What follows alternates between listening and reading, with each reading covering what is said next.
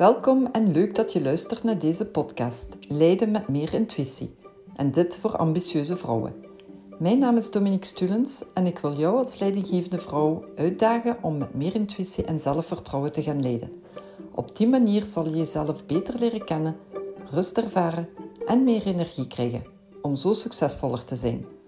Omdat ik weet dat je hiervoor moed en lef nodig hebt, hoor je hier wekelijkse inspiratie en tips die je zal helpen je doelen na te streven. Met respect voor je eigen waarde.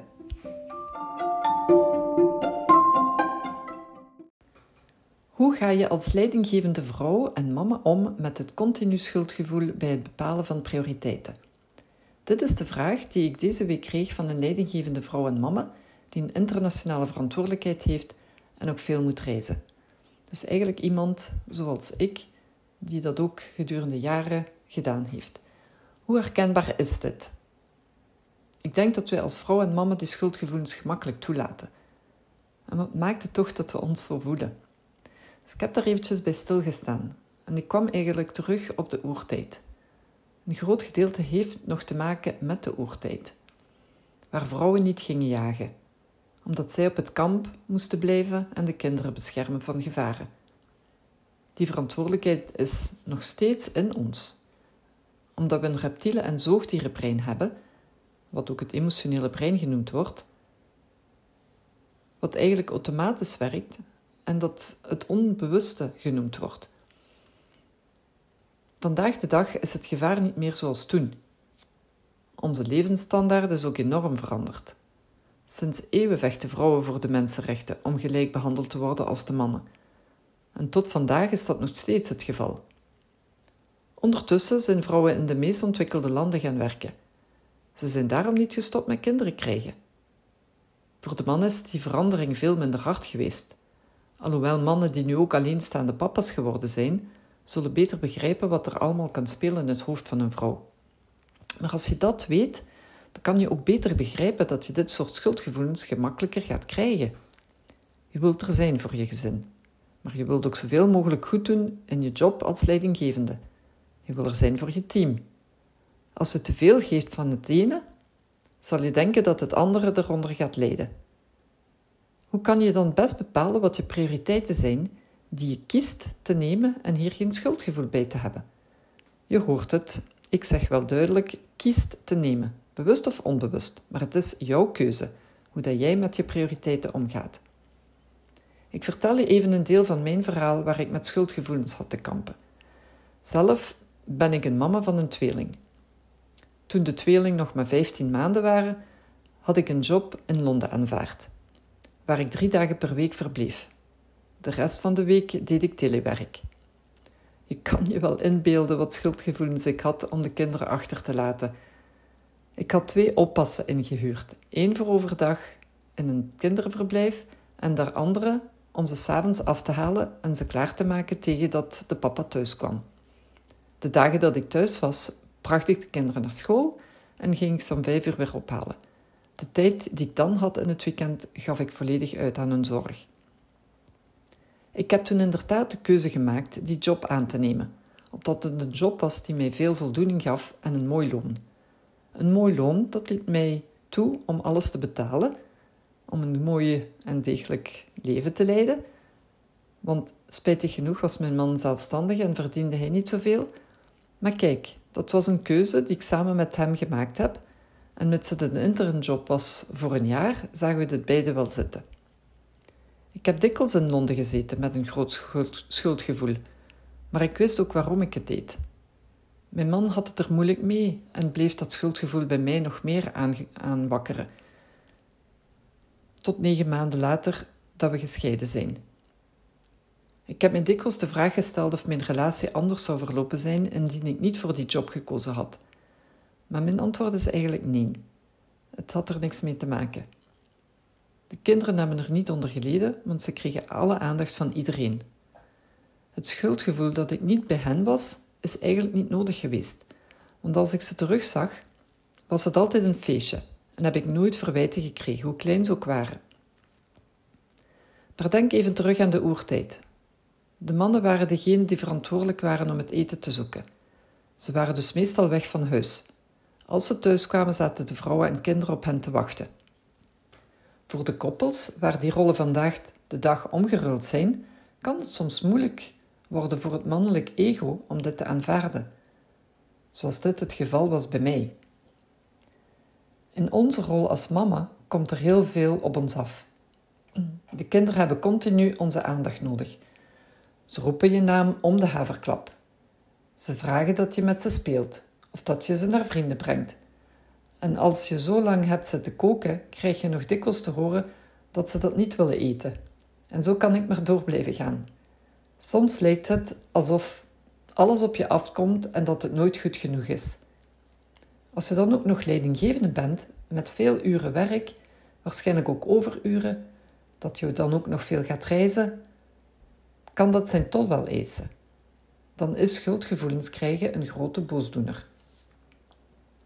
Sinds mijn burn-out ben ik meer bewust gaan leven en merk ik ook sneller wanneer ik een schuldgevoel heb en of dat die gegrond is. Hoe egoïstisch het ook klinkt, het is belangrijk eerst aan jezelf te denken. Wat kan je en wil je geven? Niet wat moet je geven. Dus ik herhaal het, wat kan je en wil je geven? Niet wat moet je geven. Dit geldt zowel voor je rol als leidinggevende, als vrouw en als mama.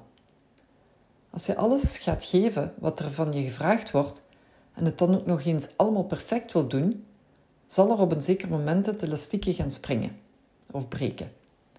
Je kan maar zo flexibel zijn als dat je lichaam je zijn grenzen aangeeft. Ik weet zeker dat als je iets gevraagd wordt, dat je dadelijk gaat voelen: oké, dat wil ik wel doen, dat zit goed. Of net het tegenovergestelde.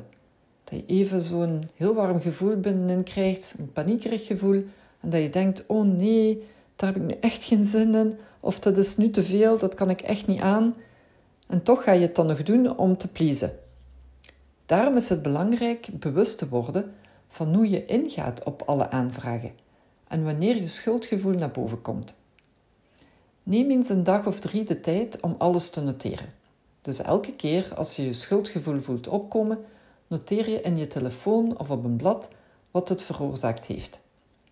Bekijk ze na een paar dagen weer en vergelijk ze. Komen er allemaal verschillende redenen naar boven? Of is het meer bepaald over een paar terugkerende onderwerpen? Zodra je daar meer klaarheid in krijgt, zal je ook kunnen bepalen welke van de thema's ten eerste een echte prioriteit zijn en ten tweede of dat schuldgevoel gegrond was. De taken die je niet bepaald zelf moet uitvoeren, zou je kunnen delegeren. Daar hoeft geen schuldgevoel bij nodig te zijn, want het wordt behandeld. De andere prioriteiten kan je oplijsten in functie van hun belang en urgentie.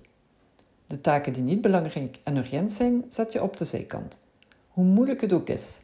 De collega's of de kinderen die het anders bekijken, zullen er niet gelukkig mee zijn. Maar ze zullen het je ook niet eeuwig kwalijk nemen. Met de juiste uitleg gaan ze het kunnen plaatsen en begrijpen. En als dat niet zo is, dan is het eigenlijk jouw probleem niet. Dan ligt het bij hen. Leren nee zeggen als het je niet uitkomt, is iets wat je kan leren. Zodra je beter begrijpt wat echt belangrijk is voor jou in volle bewustzijn. Hier moet je kunnen vertrouwen op je gevoel en niet wat je hoofd je doet geloven. Mijn tweeling is nu, of zijn nu tieners en kunnen veel eisend zijn. Dat zijn alle tieners waarschijnlijk. Ik heb geen man waarop ik kan rekenen, want hun papa is uiteindelijk negen jaar, negen jaar geleden gestorven. Dus ik heb nu ook geleerd te analyseren wat belangrijk is voor hen en wat er voor mij haalbaar is. Als mijn antwoord een nee is, dan neem ik ook de tijd om hen de reden te geven. Daarom zijn ze niet altijd akkoord, hè? maar ik heb besloten dat alles doen onmogelijk is. Ik heb ook besloten niet meer te piekeren over alle mogelijke opties, om hen toch te geven wat ze vragen. Het is wat het is. Na enige tijd hebben ze het verteerd en nemen ze de nee gemakkelijker aan. Het zijn eerst en vooral jouw prioriteiten en jouw grenzen die van belang zijn. Daar hoef je echt geen schuldgevoelens voor te hebben. Die nemen alleen maar energie van je weg en vermijden te genieten van de tijd die je wel hebt om dingen te gaan doen. Dus de tip van vandaag: analyseer je prioriteiten, Bekijk wat echt telt, waar je zeker je energie in wilt steken en doe dit bewust. Geef aan waarom je op sommige dingen niet ingaat en laat je hoofd je niet inpalmen met schuldgevoelens, die je hoogstwaarschijnlijk helemaal alleen voelt en niet de persoon tegen wie je nee zegt. Vergeet niet, je kan alles zo goed mogelijk willen doen. Het zal voor de een of de andere nooit goed genoeg zijn. Dus zorg eerst voor jezelf.